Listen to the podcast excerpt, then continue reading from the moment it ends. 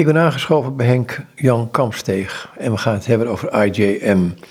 Nou, jij mag vertellen wat het is, want je werkt erbij, je bent verhalenverteller. Um, het IGM, het klinkt heel Engels. Waar staat het voor? International Justice Mission. En uh, we zijn werelds grootste organisatie in de strijd tegen slavernij. Dat is heel kort wat we doen, maar we hebben een uur om uh, daar meer over te vertellen. Maar dit is hem in een, uh, in een notendop. Heb je het over Black Lives Matter of zoiets? Nee, we hebben het over een organisatie die zich inzet, wat we noemen de strijd of de plaag van geweld tegen de armsten. En die plaag uit zich onder andere in slavernij, mensenhandel, misbruik van kinderen, het sloppenwijken met name geweld tegen vrouwen. Eigenlijk al het geweld wat de armsten wordt aangedaan, omdat het ze aangedaan kan worden. Omdat de daders hun ding kunnen doen. Daar komt het eigenlijk op neer. Maar het is big business, hè? Als je goed wil verdienen, moet je daar gaan zitten in die trafficking. Ja, mensenhandel is, uh, is inderdaad big business. Er, wordt, er worden miljarden mee verdiend uh, wereldwijd. Gewoon maar concreet maken. Als jij in Zuid-Azië een, een meisje ontvoert in een uh, bordeel zet. Je koopt haar van een mensenhandelaar voor een, nou, voor een paar tientjes, om het zo maar te zeggen. En je kan een aantal jaar goed geld aan haar verdienen. Terwijl zij in een bordeel zit. Totdat ze op is. Nou ja, dat, dat is gewoon goed winst maken. Wat doen jullie eraan? Aantal dingen. Allereerst zijn wij doen we altijd met lokale autoriteiten, overigens. Het is, is wel goed om te zeggen. Het is niet een organisatie, een westerse organisatie. En wij vertellen jullie hier in dit land wel even hoe het moet.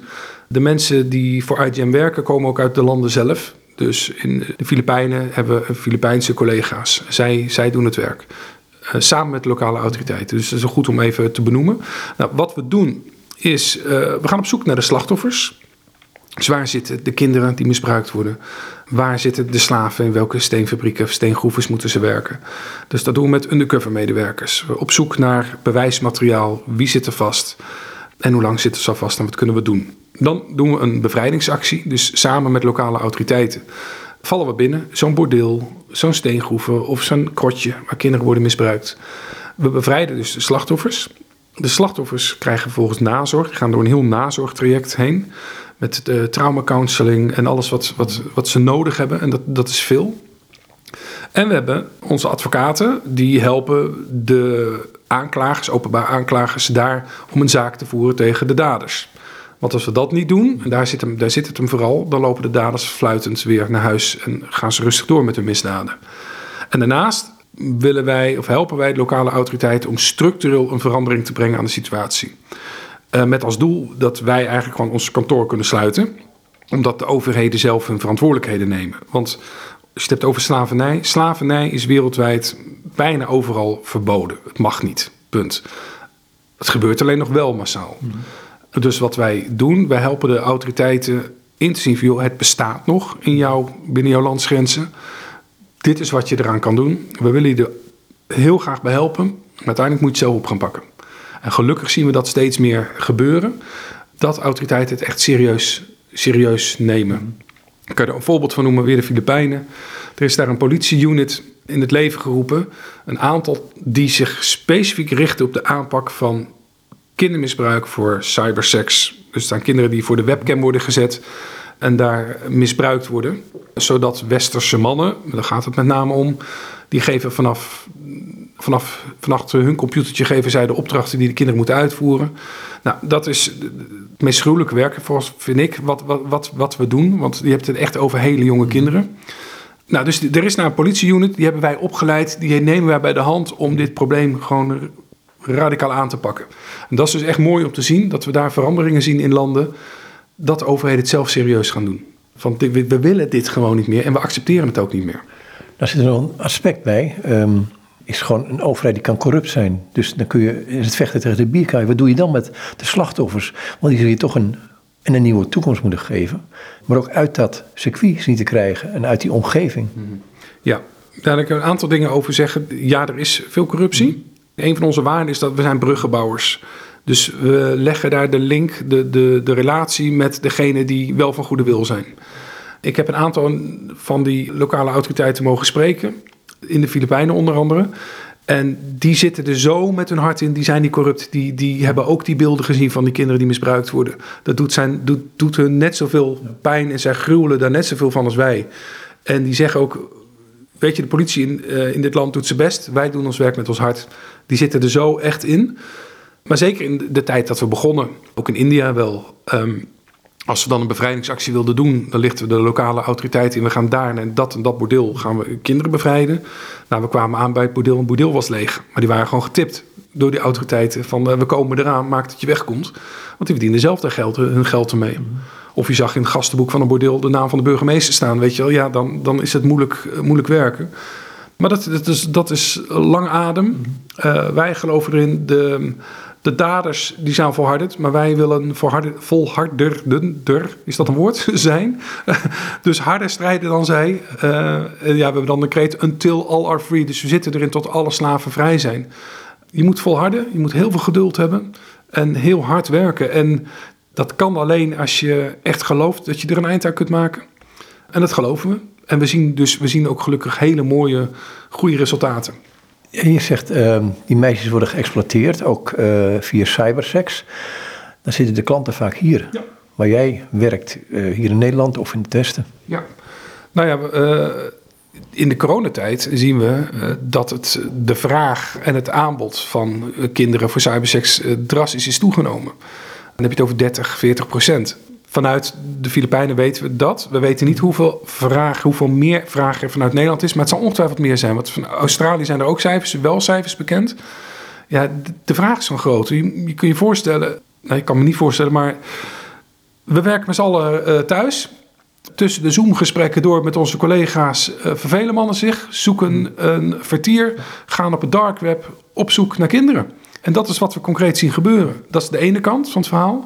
Aan de andere kant, ook de kinderen in de Filipijnen zitten in een lockdown. Dus in plaats van dat ze naar school gaan, zitten ze thuis. En thuis zijn ze het minst veilig. De kinderen over wie we het hebben.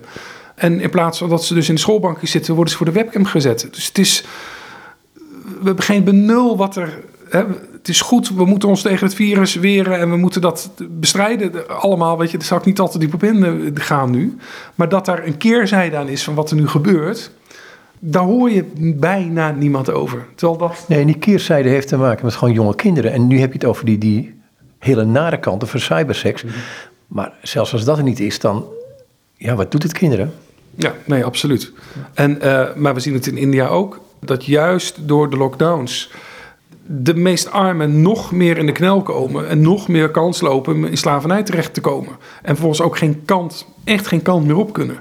Dus nee, het is, het is, we waren goed op weg met z'n allen uh, om, om die strijd aan te gaan. En dat zijn we nog steeds. Maar dit is wel een behoorlijke, uh, hoe heet dat, bumpel uh, op de weg. Ja.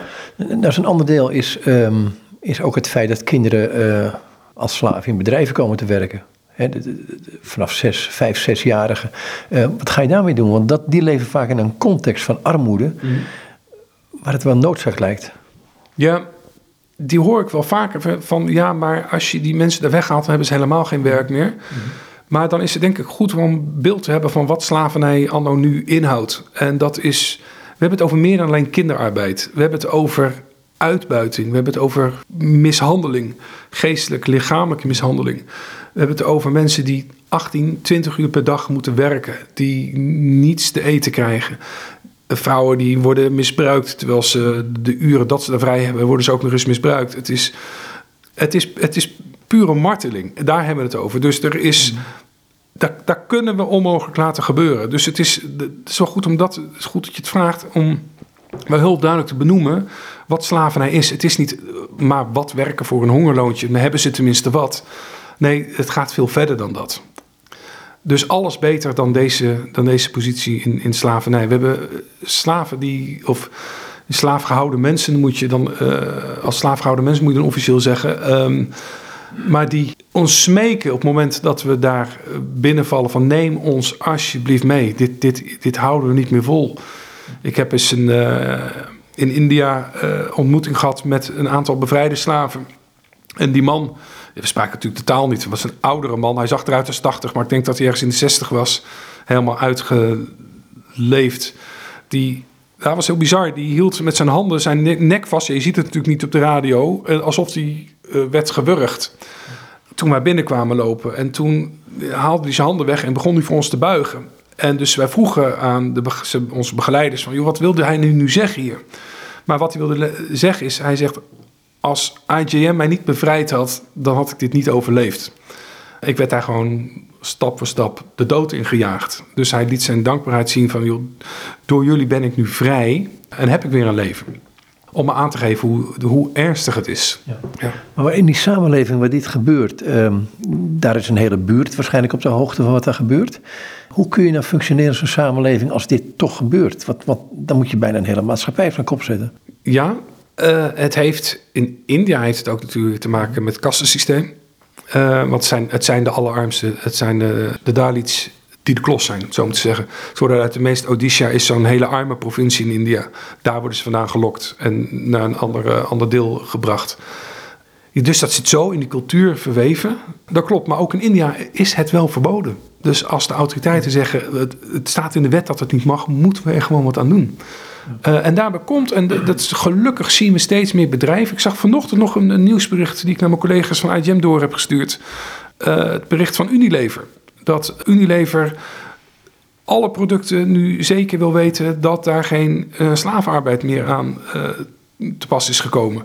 Dus er zijn steeds meer bedrijven die dat wel inzien. Waarom? Deels, ik hoop ook dat het deels vanuit hun hart komt van we willen het zelf niet meer. Maar een ander teken is, en daar zit de kracht van de consument. De consument begint het steeds minder te pikken. En begint zich te realiseren, hey, die troep die je koopt, die goedkope troep die je koopt, die is zo goedkoop omdat er kinderhandjes aan gewerkt hebben. Um, en dat willen we niet meer. En ik denk dat dat de beste manier is om te laten zien dat we het niet meer pikken. We moeten, we moeten onze stem laten horen met onze portemonnee. En we, we trekken onze portemonnee voor bepaalde producten niet meer. Punt is alleen dat het niet alleen in arme producten zit. Je zou ook zeggen, nou weet je, of in, in goedkope producten. Er wordt ook hele dure meuk verkocht. Met hele mooie merknamen erop, die net zo fout zijn. Dus je bent er niet mee van, oh, ik, met goedkope troep, dan los ik het wel op. We moeten goed blijven onderzoeken en kritisch zijn naar de producten. Waar, komt het vandaan? Kunnen jullie als, als bedrijf verantwoorden voor, voor waar je spullen vandaan komen? Nou, een Unilever, wat ik nu zo las, zet daar een hele goede stap. En dat, dat, zo moeten we het met z'n allen gaan doen. Een ander voorbeeld wat ik je kan noemen, dat gaat dan over het kindermisbruik voor internet. Een columnist van de New York Times, een van de grote jongens daar, eh, Nicholas Christoph, als ik het goed uitspreek. Die zet zich al jaren in voor, uh, voor echt het goede werk, om het zo maar te zeggen. De journalisten kunnen het ook. Hè. Je hoort vaak journalisten, ik moet objectief zijn en ik mag me nergens echt voor inspannen. Nou, eh, Nicholas Christoph doet het wel. En met resultaat, want hij had een, een uitgebreid artikel geschreven, column geschreven over wat er op die porno-sites te vinden is. En dat is niet alleen maar de legale uh, troep, maar ook de illegale troep. Dus kinderen die worden misbruikt, uh, of vrouwen die verkracht worden, verkrachtingsscènes. Terwijl de creditcardmaatschappijen gewoon gelinkt zijn aan die websites. Hij heeft een heel stevig verhaal geschreven. En vanaf dat moment hebben Mastercard, Visa hebben besloten... we gaan niet meer samenwerken met deze, met deze websites. Dat is een eerste belangrijke stap. En vervolgens hebben die sites, die eindelijk hebben ze de stap gezet van nou, we gaan ons die, die, die, die, die troep die we aanbieden, we gaan, het wat, we gaan het wat beter controleren om te kijken of er inderdaad geen kindermisbruik tussen zit. Weet je, zo stapje voor stapje, maar dat doen ze echt alleen maar omdat er anders, anders, anders geld verliezen. Want zeker bij sites, ik geloof niet dat er ook maar enig moreel besef bij zit nog. Uh, maar dan maar via de portemonnee. Ja, geld is een sterke drijfveer. Dat kan ook de andere kant op gaan natuurlijk. Hè? Want dan hoor ik wel even heel makkelijk zeggen van... oké, je moet uh, verantwoorde producten kopen en, en, al die dingen meer. Maar goed, je zou maar van een, een, een, een basisinkomen... of van een, een uitkering leven waar je net van rondkomt... dan kijk je niet, daar niet zo nauw naar. Nee, maar dan toch zijn er wel alternatieven. Ja, uh, veel duurzame spullen, fairtrade spullen zijn wel duurder collega van me van IGM, ik zag het gisteren op haar eh, Instagram eh, voorbij komen. Die is helemaal fan van tweedehands kleding kopen. Mhm. En ze liet dat fotootje zien. Nou, hartstikke leuk spul. En het is voor haar, uh, en het is een, een leuke hobby geworden, maar ook, er zit een heel duidelijk statement achter. We gooien, daar maak ik me ook schuldig aan, maar we gooien wat goede spullen weg. Als ik kijk hoeveel kleding hier niet boven in die, in die kledingkasten ligt van, van, van mijn dochters. En het, ze groeien natuurlijk, dus er moet ook snel, maar er zit vaak goed spul tussen. Wat dan niet meer gedragen kan worden omdat ze eruit gegroeid zijn. En dan kan je het weggooien, maar je kan het ook wegbrengen. Nou ja, er is bij ons, bij ons in het dorp, ik woon in Buns, gewoon een site die zegt gewoon uh, een soort gratis afvalsite. Ja. Um, en, en mijn vrouw had een aantal puzzels, die heeft er gisteren opgezet. Nou, binnen 10 minuten waren ze weg hoor. Ja. En dan komt er iemand aan de deur en die zegt, nou, het is voor mijn kleindochter of voor mijn oma. En, en prima. Ja. En, en, waarom moet je eraan verdienen? Je hebt het toch al uitgegeven, het geld. Dus uh, Dus zo is het. En dat is een bewust, bewustwording. Dus uh, er valt. Ik heb jaren als kind. Ik liep altijd in de kleding van mijn broers. Ik heb nooit een probleem gevonden. Uh, een ander zit wat meer aan merkkleding en die vindt het belangrijker. Dus dat, dat verschilt ook wel weer per persoon. Maar nou ja, ik heb hier mijn telefoontje liggen. Die mag nog tot volgend jaar april. Dan mag ik een nieuw abonnement. Dan wordt mijn automatisch wordt mij ook een nieuwe telefoon aangeboden bij het abonnement. Dan heb ik hier nog een, eigenlijk gewoon een goede telefoon liggen. Maar die nieuwere, die kan weer net iets meer. Is ook wel heel erg interessant. Want ik zit... Heb je dat nodig, altijd nieuwe? Nee, maar ik, uh, nee. Maar ik merk aan mezelf, ik vind dit toch wel een verrekte fijn apparaatje. En ik, zit er, ik lees er mijn krant op, ik doe alles op die telefoon. Ik kan er ook voor kiezen om te zeggen, nou weet je, eh, mijn abonnement is voorbij. Ik wil gewoon een nieuw abonnement, maar zonder telefoon, want ik kan er prima twee jaar met het ding. Ik kan allemaal excuses weer bedenken. Nou, dan kan ik deze weer doorgeven aan mijn dochters, want die van hen doet het niet meer. Dus, maar het zijn allemaal dingen waar je bewust over na moet denken en dan keuzes moet maken voor jezelf. Uh, en ik denk dat die keuzes makkelijker worden op het moment dat je je realiseert wat er allemaal speelt om zo'n telefoontje of die kleding of wat dan maar ook op de markt te krijgen en hoeveel onrecht daar aan te pas komt. Ik heb ooit iemand van een grote telefoonmaatschappij horen vertellen: dit is een soort eerste lezenbehoefte, die telefoon, die smartphone. Ja, kan ik uh, alleen maar beamen. Als ik geen wifi heb, dan word ik zeggen. Maar, het, is, het is in wezen op een bepaalde manier heel cynisch, als ik dat zeg. Ja, ja. nee, begrijp ik. Maar goed, ik wil ook niet me beter voordoen dan ik, eh, dan ik ben. Ik ben verslaafd aan mijn telefoon. Het eerste wat ik s ochtends doe, is mijn Twitterlijn uh, bekijken. Het laatste wat ik s'avonds doe is uh, NSC. Die staat er om 11 uur s s'avonds staat de krant van morgen er al op. Het, eerste wat, het laatste wat ik s'avonds doe is de NRC van de volgende dag doornemen. Dus het eerste en het laatste wat ik doe is, is, is met die telefoon bezig zijn. En tussendoor ook heel veel. Goed, IGM zou het over hebben. Ja. Um, jij werkt in Nederland. Uh, je zegt in elk land zijn lokale mensen bezig. Jij bent in Nederland bezig. Is in Nederland slavernij? Is in Nederland trafficking? Ja, zeker. En daar ben ik ook heel blij dat uh, was IGM een kantoor zijn geopend in Roemenië. Uh, want de Roemeense vrouwen die staan in Nederland achter de ramen. Dus daarmee is de link met Nederland ook beter gelegd. Maar er is in Nederland zeker slavernij. In restaurants schijnt het te gebeuren je weet niet wat er in de keuken gebeurt. Mhm. het schijnt ook wel in de uh, bloementeelt en uh, de, de fruitteelt, dat, dat soort plekken uh, slavernij te gebeuren. Maar in de seksindustrie sowieso. Dus meer dan we ook denken. En ik zie het hier ook niet. Ik heb het wel eens gevraagd trouwens, toen bij een wokrestaurant hier in, in Zeewolde. Ik zie die, het zijn Chinese jongens die daar staan te wokken. Ik zie ze in het dorp nooit. Ik zie ze alleen maar daar. dus ik, ik denk, ja, terwijl ik mijn vleesje stond op te stellen, vroeg ik ook, joh, waar woon je? Wat, wat, dat wokrestaurant zit daarbij, er zit nog een appartement bovenop. Zouden ze hier zitten, weet je wel? Zouden ze echt niet wegkomen? Maar hij vertelt me, nee, ik kom gewoon uit Almere en uh, dus goed, dan stel me wel wat gerust. Maar ik denk, ja, laat ik het maar gewoon een keer vragen. Maar het gebeurt. Ook mensen met een, hoe zeg je dat, minder verstandelijke, dus iets verstandelijke beperkingen, eh, worden gebruikt als slaven. Uh, dus moeten veel werken, krijgen er geen cent voor. Um, dus het, dit zijn dingen om mm -hmm. wel op te letten. Op het moment dat je iets ziet, um, vraag door van hey, kan je hier ook weg? Krijg je, krijg je betaald? En, en goed, je, je, had het net over die journalist van de New York Times die column schrijft. Maar goed, ik kan me ook voorstellen als je als journalist hiermee bezig gaat, dan moet je toch opnemen tegen ja, meer dan 100 miljard per jaar gaat er aan, aan, aan in om in, in dit soort industrieën. Um, Loop je een gevaar? Ja, ik denk het wel. Uiteindelijk wel. Als je er echt in gaat vroeten. Je hebt te maken met criminelen. Je hebt te maken met, uh, met, met, met grote misdadigers. Dus ja, dat kan gevaarlijk zijn, dat geloof ik. Ik, ik hoorde gisteren nog een gesprek met eh, onze directeur in Roemenië. Die vertelde ook dat hij het kantoor in, van IGM kan je niet zomaar vinden. Dus dan moet je heen worden geleid. Er staat niet grote IGM boven de deur. En hij zegt ook in, op onze Facebookpagina's die zijn en private. Dus kan niet iedereen zomaar op. We maken geen foto's waar duidelijk te zien is waar we staan. Dus dat hele gezin moet daar rekening mee houden voor hun veiligheid. Dus ja, dat kan gevaarlijk zijn. Maar ik heb zelf journalistiek gestudeerd. Ik hoop toch van harte dat een aantal van mijn oud-collega's, dus de journalisten nu, nog steeds met hart en passie inzitten zoals ze erin zaten toen ze de studie gingen doen. Want waarom zijn ze journalistiek gaan doen? Veel met als eerste motivatie, we willen dingen aan de kaak gaan stellen, we willen, we willen verschil gaan maken. Nou, op dit gebied kan dat. Je kunt verschil maken. En dan begonnen we even over, of had ik het net al over, wat ik veel hoor van ja, maar journalisten moeten objectief zijn, bla bla bla. Geen enkele journalist is objectief. Dat vind ik echt onzin. Dus wees nou gewoon eerlijk daarin.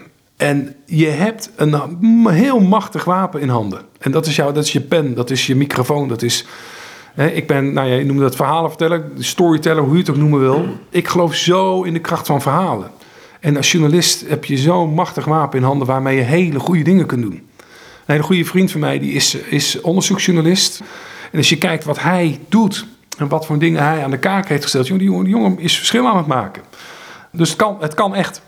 En ja, uh, terugkomt een heel lang antwoord dit op jouw vraag. Het kan gevaarlijk zijn. Want je zit aan iemands portemonnee en dat, vindt, dat vinden mensen niet leuk. Goed, ik, even naar zo'n Roemeens meisje toe. Dat wordt hier naartoe gebracht. Uh, jullie weten haar uit de prostitutie te krijgen. Um, je hebt jurist, jurist in dienst. Um, hoe gaat het in zijn werk verder? Want ik start om een stomme verbazing bij jullie ook dat gebed een bepaalde rol speelt, bijvoorbeeld. Dus hoe gaat zo'n heel traject in zijn, in, in, in zijn werking? En dan kan zo'n meisje wel weer terug naar Roemenië. Ja, oh, het zijn een aantal vragen in één. Hoe het in zijn werk gaat, zodra de slachtoffers bevrijd zijn, uit die, deze situatie zijn weggehaald, zorgen wij dat ze worden opgevangen in nazorg. Maar goed, dan gaat het traject aan vooraf. Ja, dat is eerst het onderzoeken. Dus dat is, is het, wat, wat ik vertelde, is het undercoverwerk, is het onderzoek van wat is jouw situatie. En zodra dat helder is en we weten dat we echt met slavernij, met mensenhandel te maken hebben, dan kunnen we ingrijpen. Nou, dan zorgen we ook echt dat ze kunnen worden opgevangen. We hebben geen eigen nazorgthuizen, we hebben wel eigen counselors. Dus die met die dames blijven optrekken. Om te kijken of ze weer terug kunnen naar of hun geboortedorp of de plek waar ze, waar ze vandaan komen. Of als dat niet kan, dat we zorgen dat ze ergens anders veilig uh, kunnen wonen. Om terug te komen op je vraag over gebed. We zijn een organisatie met een christelijke identiteit. Dat betekent dat onze medewerkers dit werk ook doen omdat we geloven dat de Bijbelse oproep is om recht te doen. Als je de profeten alleen al leest, die zijn er over één ding klip en klaar. En dat is dat God een God van recht is. We willen daarin we daaraan gehoor geven, dus recht doen, letterlijk recht doen. En ja, als team bidden wij heel veel, dagelijks zelfs. Zelfs bedoel ik, iedereen kan voor zichzelf dagelijks bidden, maar we bidden als team dagelijks. En we vragen ook onze uh, christelijke achterban om voor ons werk te bidden. We zijn, en dat moet ik dan wel benadrukken, we zijn geen evangelisatiebeweging. Oftewel, we evangeliseren niet onder onze bevrijde slachtoffers. Er zijn gelukkig heel veel andere organisaties die dat wel doen. Wij doen het bewust niet, want als we dat doen, dan zou ons werk daarmee gevaar lopen. Er zijn organisaties, om het uh, even India maar te noemen, christelijke organisaties die het land zijn uitgezet omdat ze uh, verdacht worden van uh, jullie zijn een evangelische club, jullie evangeliseren, daar willen we hier niks van hebben. Als dat idee zou ontstaan van IGM, dan kunnen we ons werk in India sluiten. En dan, dan gaat onze missie. Dus dat kan niet. Zonder een hele theologische verhandeling te houden, maar je kan heel veel over Jezus praten. Je kan ook Jezus laten zien in wie je bent. En ik denk dat we dat ook vooral willen doen. Gewoon Jezus zijn voor deze mensen, ze bevrijden. En dat is wat we doen. En dat doen we met heel veel gebed. Maar goed, nou die Roemeense meisjes, hè, zo iemand wordt uit de prostitutie gehaald, um, bezitten dan vaak hun paspoort al niet meer, hoor ik wel. Hoe ga je daar verder mee om? Hoe breng je het weer terug in een normale situatie? En kan het wel? Ja, ik, ik, ik ben niet helemaal. In Roemenië zijn wij nog maar kort begonnen. Mhm. Dus hoe het precies nu in de praktijk gaat, weet ik niet helemaal uh, zeker. Het enige wat ik weet, dat we als IGM alles op alles zullen zetten om te zorgen dat de dames weer een nieuw leven kunnen opbouwen. En tegen welke problemen, procedures ze aanlopen, ben ik onvoldoende van op de hoogte om daar een goed antwoord op te kunnen geven. Dus um, we zijn er voor die meiden, dat is wat ik kan zeggen. En dat dat dan vaak een moeizaam lang proces is, weet ik ook. Want ik gisteren nog vertelde die directeur van. Uh, ons kantoor in Roemenië dat het alleen al een half jaar geloof ik geduurd heeft om een bankrekening te kunnen openen uh, op het moment dat we ons kantoor daar openen. Dus het, is, het is, gaat er even anders aan toe dan hier in Nederland. Dan heb je het alleen maar over een bankrekening openen. Dus komt, daarom moet je ongelooflijk veel geduld hebben en doorzettingsvermogen om ons werk te kunnen doen. Heb je nog het voorbeeld? Want jullie werken ook in Afrika. Uh, we werken in Afrika, uh, onder andere in Ghana, waar jongens worden, of jongetjes worden vastgehouden in de visindustrie. Dus op Lake Volta uh, worden misbruikt als slaaf. Wat we ook in Afrika aanpakken, onder andere in Oeganda, is geweld tegen kinderen en tegen vrouwen. Dat zie je daar heel veel gebeuren. Bijvoorbeeld illegale landonteigening is zo'n zo'n ding.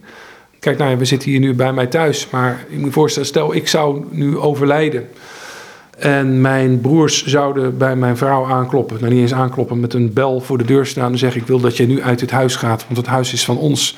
Maak dat je wegkomt met, uh, met de drie meiden. Uh, dus ze zou het huis uit worden gejaagd. En mijn broers nou, gaan hier zitten of verkopen de boel. Wat zij zeggen, het is nu van ons. Nou, dat is niet voor te stellen. Nou, dit is wel wat er massaal gebeurt in landen als Oeganda. Dus illegale landonteigening. Mag niet, vinden wij, maar dat vindt het land zelf ook. Er zijn wetten tegen, het mag gewoon niet. Het gebeurt wel massaal. Waarom? Omdat je het nu ook weer hebt over mensen die vaak ook weer geen geld hebben om juridische hulp in te schakelen. Dus die juridische hulp komt niet. Dus die daders die zitten daar fluiten in het huis of verkopen het stuk grond weer en uh, gaan hun gang. Nou, wat wij dus weer doen hier ook is voor die vrouwen opkomen. Zorgen dat ze hun huis weer terugkrijgen. Of als dat verbrand is of weet ik veel wat, dat ze een nieuw onderkomen krijgen. Maar we zorgen ook dat die daders in de rechtbank worden opgepakt. Dat is één ding wat we, of onder andere wat we doen. Kenia zet ons in tegen politiegeweld. Een groot deel van de gevangenen in de Keniaanse gevangenis is nooit officieel veroordeeld. En je vroeg net van, hey, is ons werk dan gevaarlijk? Ja, er loopt nu een rechtszaak tegen een aantal verdachten... die niet alleen uh, onze collega, een advocaat... maar ook onze cliënt, voor wie we het opnamen... maar ook de taxichauffeur die ze naar de rechtbank reed... Uh, die zijn vermoord gevonden in een greppel... nadat ze uh, gemarteld waren.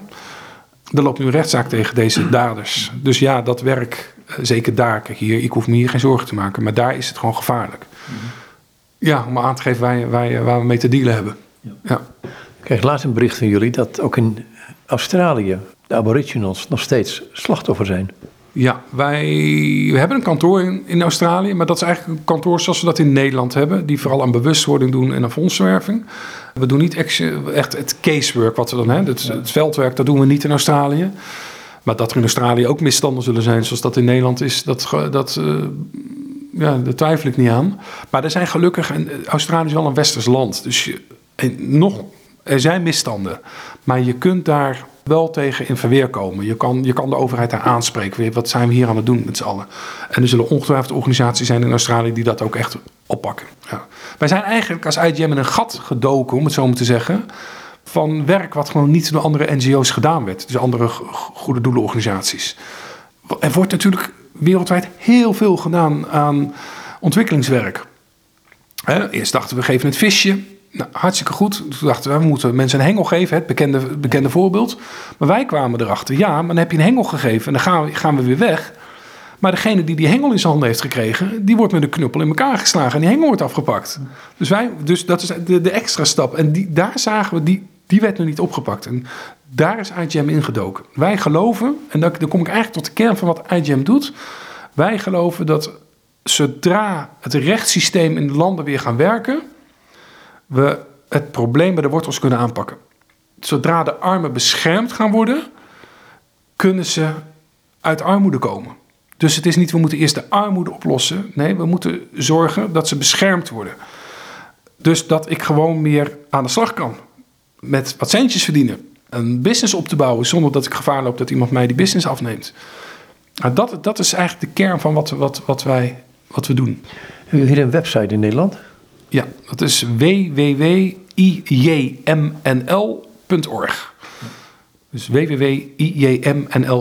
En er staat veel meer in oh, inderdaad over wat we doen, maar ook wat jij als luisteraar kunt doen. Want dus, heel helder, we kunnen dit niet alleen.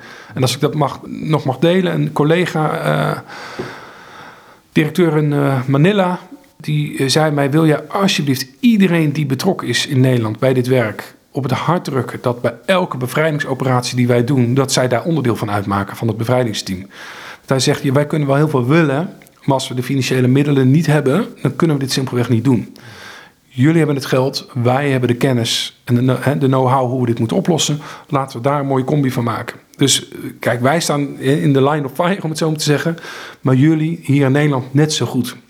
Dus in die zin, elk gebed, elke donatie, elke vrijwilliger, elke ondernemer die zegt: Ik wil meedoen op wat voor manier dan ook in jullie strijd, maakt deel uit van de bevrijdingsactie van kinderen uit de seksindustrie, uit de steengroeven en noem maar op. Um, je hebt het net eerder over slavernij gehad. En dat is toch een term die, uh, die vaak hier wordt gelinkt aan het verleden.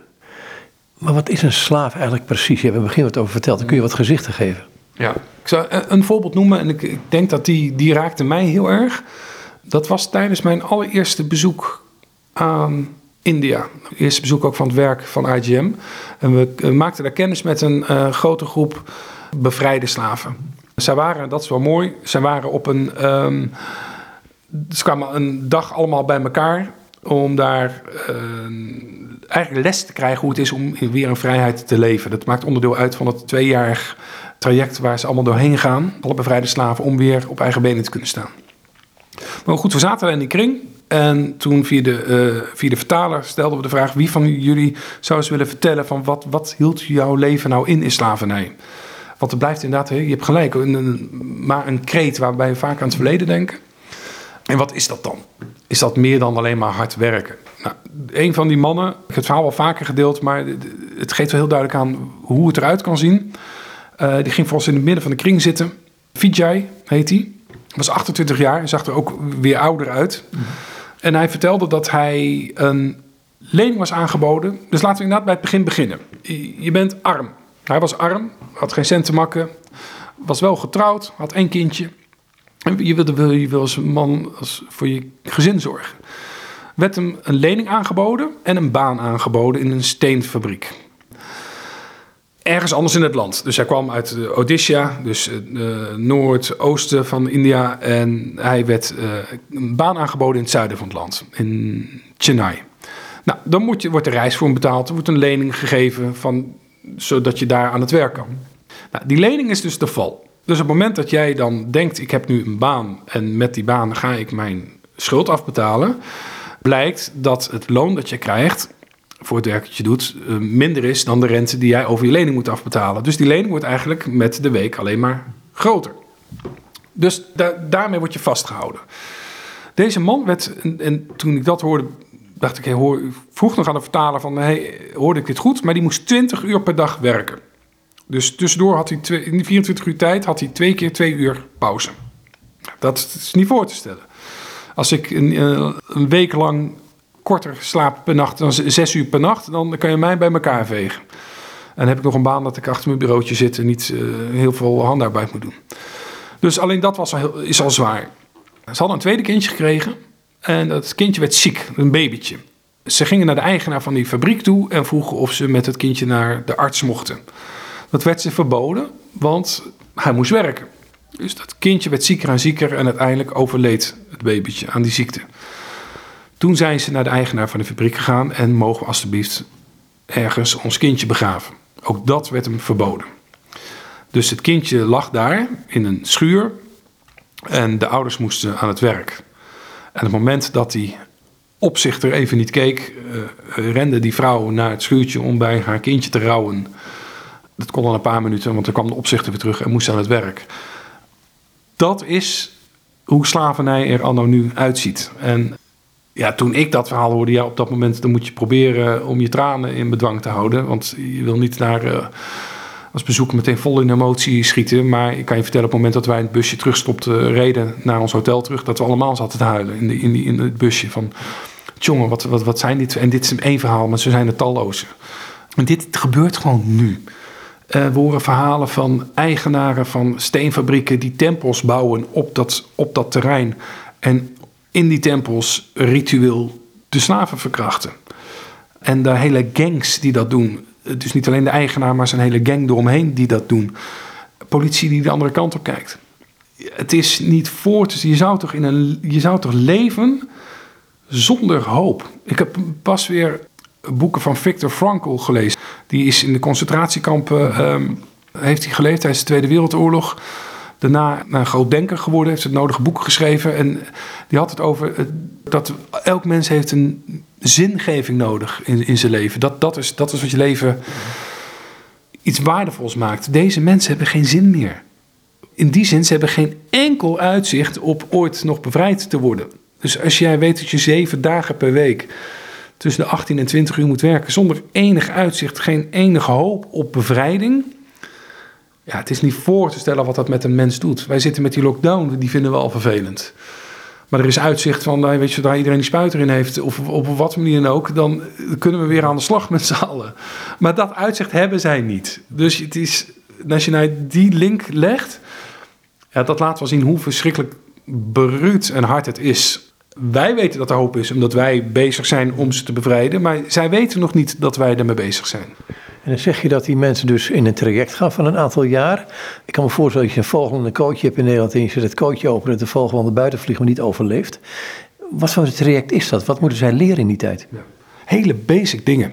Hoe ziet fatsoenlijk voedsel eruit, om maar wat te noemen? Als je dagelijks alleen maar een pakje rijst krijgt zonder iets erin, wat kan je in je voedsel stoppen? Hoe ga je met geld om? Hoe kun je sparen? Hoe kun je uh, je geld op een goede manier uitgeven? Welke gevaren hebben alcohol? Allemaal hele basisdingen. Uh, hoe voed je kinderen op? Want daar krijgen ze niet eens de kans toe. Echt dingen waarvan wij zeggen heel vanzelfsprekend. Ik heb één zo'n les bij mogen wonen. En zag ik, ik kon het natuurlijk niet verstaan, maar ik zag wel dat degene die dat leidde plaatjes hield van tandenborstels en tandpasta dit is wat je doet met je tanden om ze goed te houden. Hele basisdingen. Dat, en dat duurt twee jaar. Waarbij ze dus regelmatig bij elkaar komen. Dus je hebt niet fulltime les, maar wel regelmatig. En dan, en dat is wel ook mooi. Ook in die gemeenschap zitten natuurlijk potentiële leiders, natuurlijke leiders. Die gaan, als ze willen, een vervolgtraject in.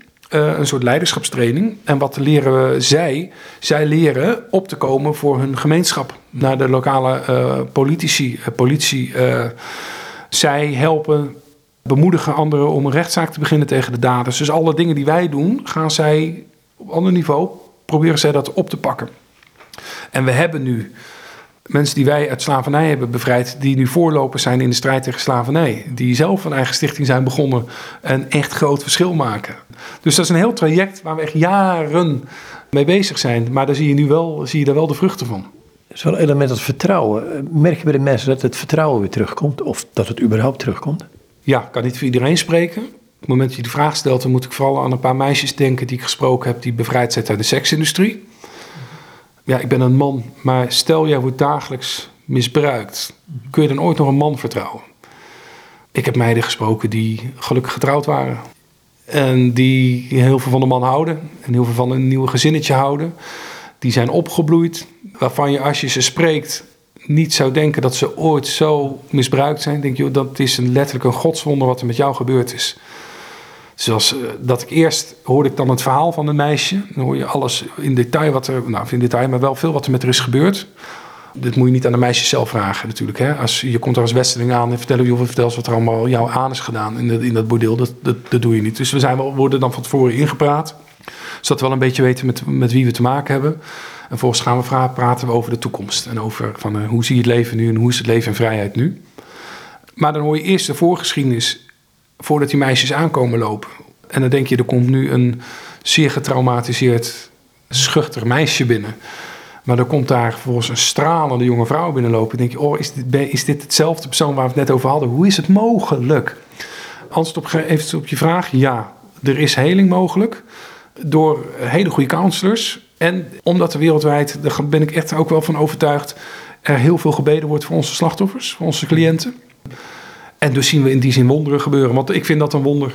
Als je zo'n leven hebt gehad en vervolgens toch weer kunt stralen, dan, is dat, dan vind ik dat een wonder.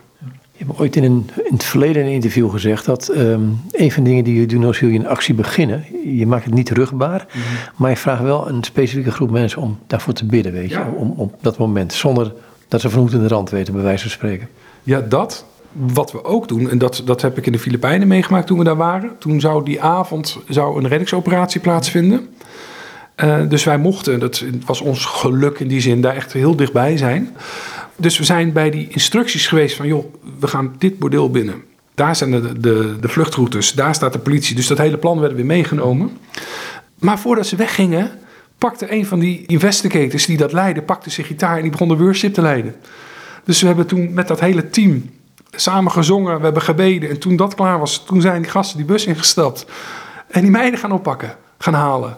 Het ging zo hand in hand. En dat was voor mij, nou, ik kan je zeggen dat als iets mijn geloofsleven heeft gered, dan zijn het mijn collega's vanuit Jam geweest. Omdat ik daar zo van dichtbij zag hoe intens, hoe echt het geloof kan zijn. Want nou ja, ik, wil niet, ik ga niet, niet oordelen, of maar wat ik natuurlijk wel veel zie, ook bij mezelf, zie en zag is dat geloof ook gewoon een dingetje kan zijn. Je gaat naar de kerk, je bidt omdat het hoort, je leest uit de Bijbel omdat het hoort. Maar raakt het je? Is het echt? Is het leven met Jezus zo'n onderdeel van je bestaan? Nou ja, dat is een vraag die iedereen voor zichzelf kan uh, beantwoorden. Ik zag het bij mijn collega's. Ik heb het soms met, met psalmen, maar ook met uh, worshipliederen. Dan hoor ik de woorden, dan zie ik of de handen de lucht in gaan, of de gevouwen handen, of hoe je ook maar worshipt of aanbidt. En dan denk je, ja, maar het is ook wel makkelijk.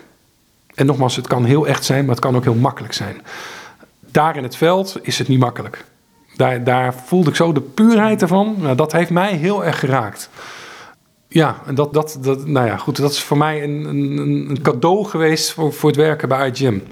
Maar als je nou dat jongetje vat, uh, ja, ik ga nu heel denigrerend over jou praten hoor.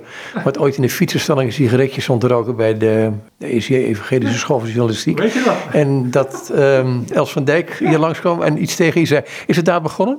Ach, wat grappig dat je dat voorbeeld nog kunt herinneren. Daar hebben we het inderdaad eerder over gehad. Els van Dijk, directeur van de EH, was een docent van mij bij eh, de ESJ.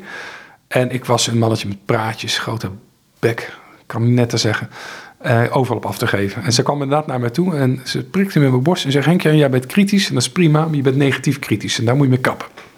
Dat is uh, achteraf gezien een defining moment geweest in mijn leven. Daar ben ik echt van overtuigd. Toen zag ik dat niet natuurlijk, uh, want waar heeft ze het over? Maar ze schoot hem echt in de roos. En ik ben nog steeds kritisch. Ik denk dat het, dat het mag, dat het goed is. Maar ik hoop niet meer negatief kritisch te zijn, maar te kijken, oké, wat kan ik hier dan dus mee? En ik denk dat het feit dat ik bij IGM werk, uh, zal daar zeker mee te maken hebben. Want ik vind daar wat van, van slavernij. Maar kan er wat van vinden, kan er ook wat aan gaan doen. En met mijn dingen die ik kan, kan ik een kleine bijdrage leveren. Dus ja, dat is, is een belangrijk moment geweest. Er zijn een aantal van die momenten geweest die bij elkaar uh, optelt. En denk ik, ja, dat heeft mij wel gevormd. En dat heeft wel ertoe geleid dat ik nu bepaalde dingen wel doe, bepaalde dingen niet doe. Heb je daar voorbeelden bij? Nou, het feit dat ik voor IGM werk is daar een voorbeeld van. Vroeger, toen heb ik mij, uh, vroeger, ja, dat is ook al twintig jaar geleden, ben ik een van de initiatiefnemers geweest toen van een jeugdkerk in Amersfoort. Omdat ik mij enorm opwind over het feit dat de, de kerken de jeugd niet bereikt. En daar kan je heel kritisch dan ook weer over zijn en van alles over vinden. Maar je kan ook zeggen, nou, ik ga er wat aan doen. We gaan er wat aan doen. En ik kreeg toen wel commentaar van ja, maar begin je dan een eigen kerk? En doe je dat niet vanuit frustratie? En toen hoorde ik een preek van een voorganger, die had het over een heilig ongenoegen. En die preek kwam voor mij op het goede moment. Die, die zei namelijk, iedereen die verschil heeft gemaakt in de wereld, ga de biografie of de autobiografie, lees ze maar, lees ze maar door, die hebben zich ergens boos over gemaakt. En hij zei, zal het ook niet eens een boosheid kunnen zijn die je van God hebt gekregen? Waar God tegen je zegt, ik geef je deze, dit heilig ongenoegen leg ik in je hart, om het zo maar te zeggen, of waar dan ook. En nu moet je er wat mee gaan doen. En dan wil ik je bij gaan helpen, dan wil ik je, enzovoort, enzovoort. In plaats van alleen maar dat je, ik wil niet dat je gaat lopen schoppen, maar ik wil dat je er in actie komt. Nou, en dat lag wel in lijn met wat, wat, wat, wat Els van Dijk toen tegen mij zei. Dus ik hoop zo wel met leiderschap precies hetzelfde. Ik ben veel met leiderschap bezig, omdat ik om mij heen zie dat het in leiderschap heel vaak fout gaat. We maken als leidinggever nogal wat mensen kapot. Daar kan ik heel veel van vinden. Ik kan ook zeggen, nou, wat ik nu doe, ik geef trainingen, ik schrijf boeken om leidinggevenden hopelijk te inspireren en te stimuleren om normaal te gaan doen, maar om er echt voor mensen te zijn. Om even aan te geven, als ik iets zie gebeuren, dan wil ik ook wel kijken, kan ik daar iets mee? Of ik laat het los. Er zijn ook dingen die je, je kan niet alles uh, doen. En dat wil ik ook niet. Dus mijn vrouw die liet een keer... Zaten op de bank, ze zat wat te scrollen op Facebook... en ze zag daar een filmpje waarin varkens verschrikkelijk werden mishandeld... in een, een of andere stal hier in Nederland. En toen zei ze, Henk, je moet, eens kijken. En toen zei, weet ik nog dat ik heel bewust zei... lieverd, niet. Ik hoef het niet te zien. Ik zie zoveel ellende al bij IGM. Ik ben hier en daar mee bezig. Sorry, ik kan de varkens er even momenteel niet bij hebben. Dus toen sloot ik hem er ook heel bewust van af. Dus het is ook gewoon kiezen wel waarvoor, waardoor wil je laten raken. Wat ik wel altijd tegen waarschuw mensen, sluit je niet van alles af. Laat je in ieder geval door iets raken. Want het zou zonde zijn als God jou iets wil zeggen, een heilig ongenoegen wil geven en je ervoor afsluit. Dus de ene die gaat, zet zijn hele leven in om tegen abortus te strijden. De ander doet het tegen pesten van kinderen, de ander tegen eenzame bejaarden. Maar laat je in ieder geval door iets raken en kom in actie. Maar eh, laat je niet helemaal afstompen door alle ellende die je om je heen ziet. Het is goed om heel verontwaardigd te zijn als je het onrecht ziet. Ja, absoluut. En ik denk dat dat ook mag. Ja, ja mag. Ik, ik denk zoals, nou moet wil ik niet zeggen, maar het, het, lijkt me zo lijkt me duidelijk onverschilligheid als je niks meer doet op een gegeven moment. Het is wel lekker kwaad. Ja, natuurlijk. En ik denk dat het grote kwaad, ja, daar moet ik altijd uitkijken als mensen citeer, want dan doe ik het weer niet goed. Maar wat, hoe wordt het ook weer gezegd? Het grootste kwaad gebeurt door de mensen die, die niks doen. Die het wel weten, maar niet laat, die, die niets doen. Als ik daar nog een voorbeeld van mag geven.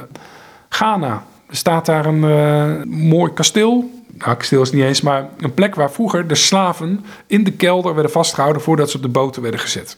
Daarboven was een kerk. Zondags werd, zong de gemeente daar. Was daar aan het bidden, was daar aan het zingen, luisterde naar de preek. Terwijl ze onder zich het gejammer hoorden van de slaven. Waarop de voorganger zei: We moeten wat harder bidden, we moeten wat harder zingen.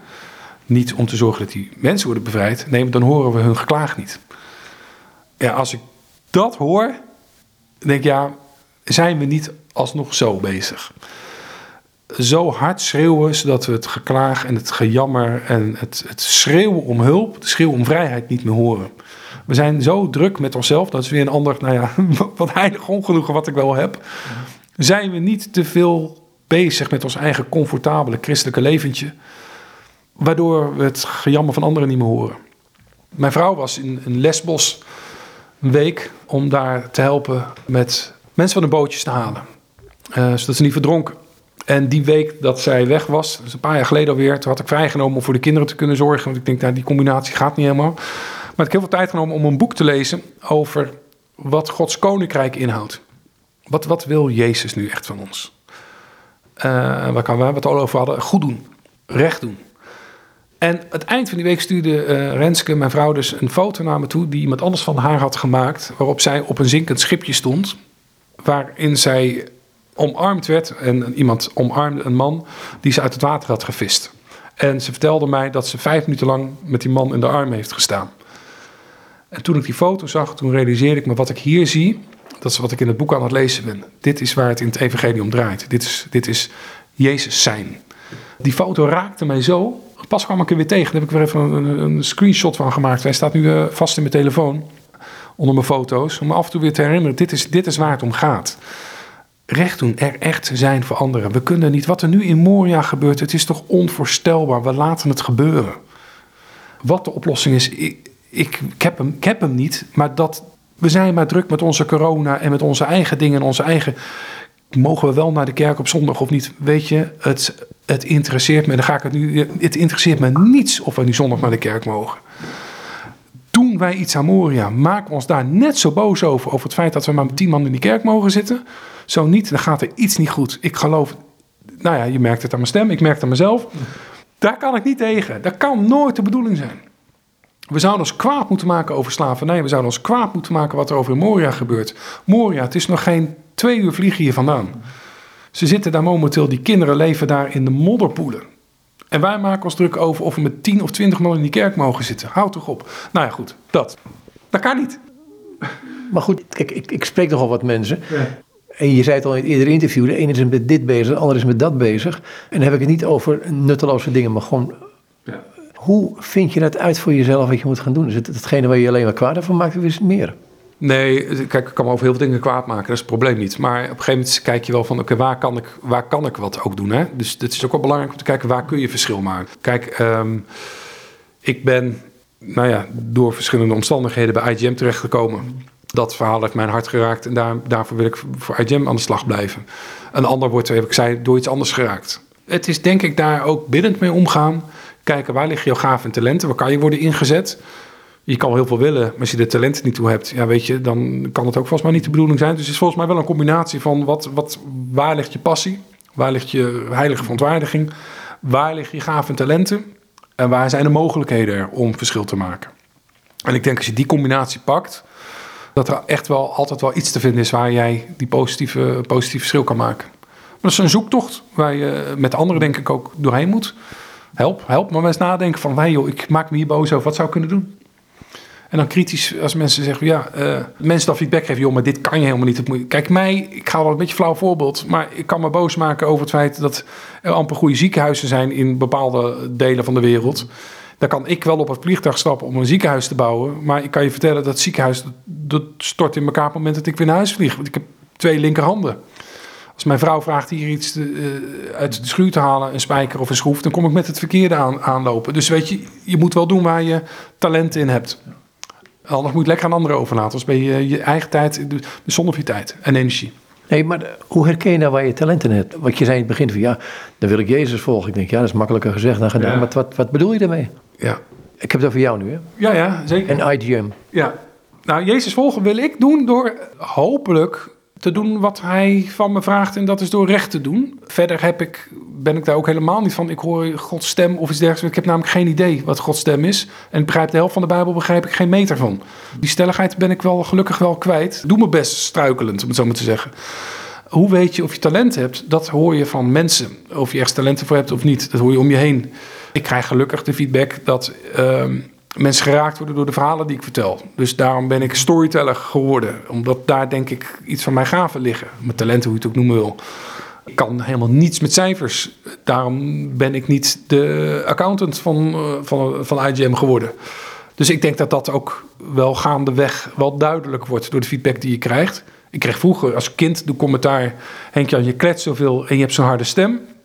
Je moet, op de, je moet op de ambulance gaan staan, dan kan je de sirene zijn.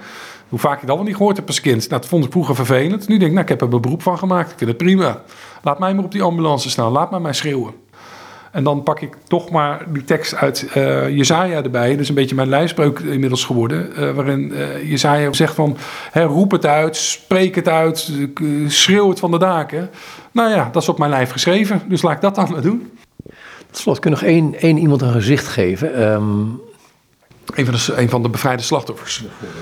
Nou, dan een, een, een, meisje die we hebben mogen spreken, die bevrijd werd uit een huis waar ze werd vastgehouden en waar zij voor de webcam seksuele activiteiten moest doen. Dat meisje, ook dit meisje weer, werd een andere baan aangeboden. Ze zou schoonmaakster worden ergens. Ze werd uh, naar een huis gebracht waar ze dan mocht uh, verblijven. En toen ze in de gangen daar liep, zag ze allemaal meisjes lopen, uh, heel schaars gekleed. Dus ze vroeg zich al af, wat gebeurt hier? Wat, waar ben ik terechtgekomen? En toen ze dat ging vragen, toen werd haar verteld: ja, maar dit is wat we hier doen. En hoppatee, de deur ging op slot. En dit is vanaf nu wat jij gaat doen. En dat meisje moest dus uh, dagelijks voor de webcam seksuele nou ja, activiteiten doen met zichzelf, met de anderen. En dat, dat is ook wat mij raakte. Wat ze vertelde: ik heb mijzelf misbruikt, vertelde ze. En heeft het uitgeschreeuwd. En, ze, en op een avond heeft zij letterlijk is zij ingestort en heeft ze het uitgesteld ook naar God toe. Help, haal me hier weg. En ja, geloof het of niet, de dag daarna stond Jim op de stoep. En hebben we de, de weg gehaald. Ja, dat is een verhaal wat mij ook altijd zal bijblijven. Het is letterlijk uitschreeuwen, help. En vervolgens is daar hulp. Het punt is, er zijn nog miljoenen die die hulp ook uitschreeuwen. Misschien niet naar de God zoals wij die kennen.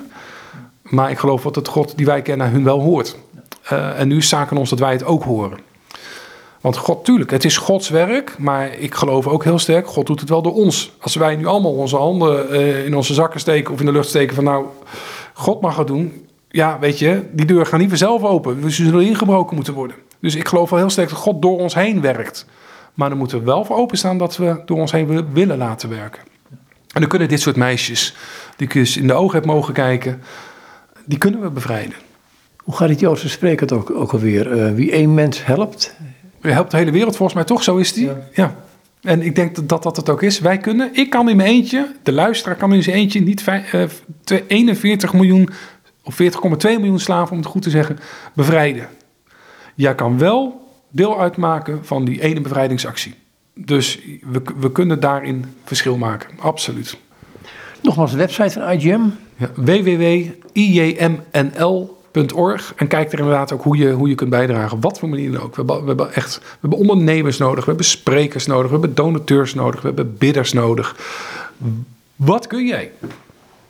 Is, is het kleine dan, um, of maken wij het groter soms niet te groot? En is het kleine eigenlijk al groot genoeg? Ja, dus ga nou niet denken, oh, ik, ik moet nu een eind aan slavernij maken. Want dan, dan haak je af, want dat kan ik niet. Is met alle veranderingen. Ik kan wel zeggen, ik wil morgen de marathon gaan lopen. Ja, dan plof ik direct op de bank, want ik weet, het gaat hem niet worden. Dus ik zeg, nou, ik wil morgen in ieder geval eens een uur flink stevig doorwandelen. Nou, dat kan ik. En dan kom ik erachter. Plof, plof je ook al op de bank, maar goed. Achteraf, ja. Maar dan heb ik in ieder geval die wandelingen gemaakt. Ja. Maar begrijp ik bedoel? Je, je doelen moet je niet te hoog zetten in je eentje. Dat kan niet. Samen geloof ik wel dat, dat we de doelen hoger kunnen zetten. Hè? Zoals uh, Kennedy destijds riep, we, we gaan naar de maan. We gaan de eerste man op de maan zetten. Ja, in je eentje kan je dat niet. Maar hij heeft daar wel een hele een volk in beweging gezet. En uiteindelijk is het wel gelukt. Dus zo roepen wij niet, we gaan naar de maan met z'n allen. Maar wij gaan een eind maken aan slavernij. In het groot. En jij in je eentje kunt dit of dat doen.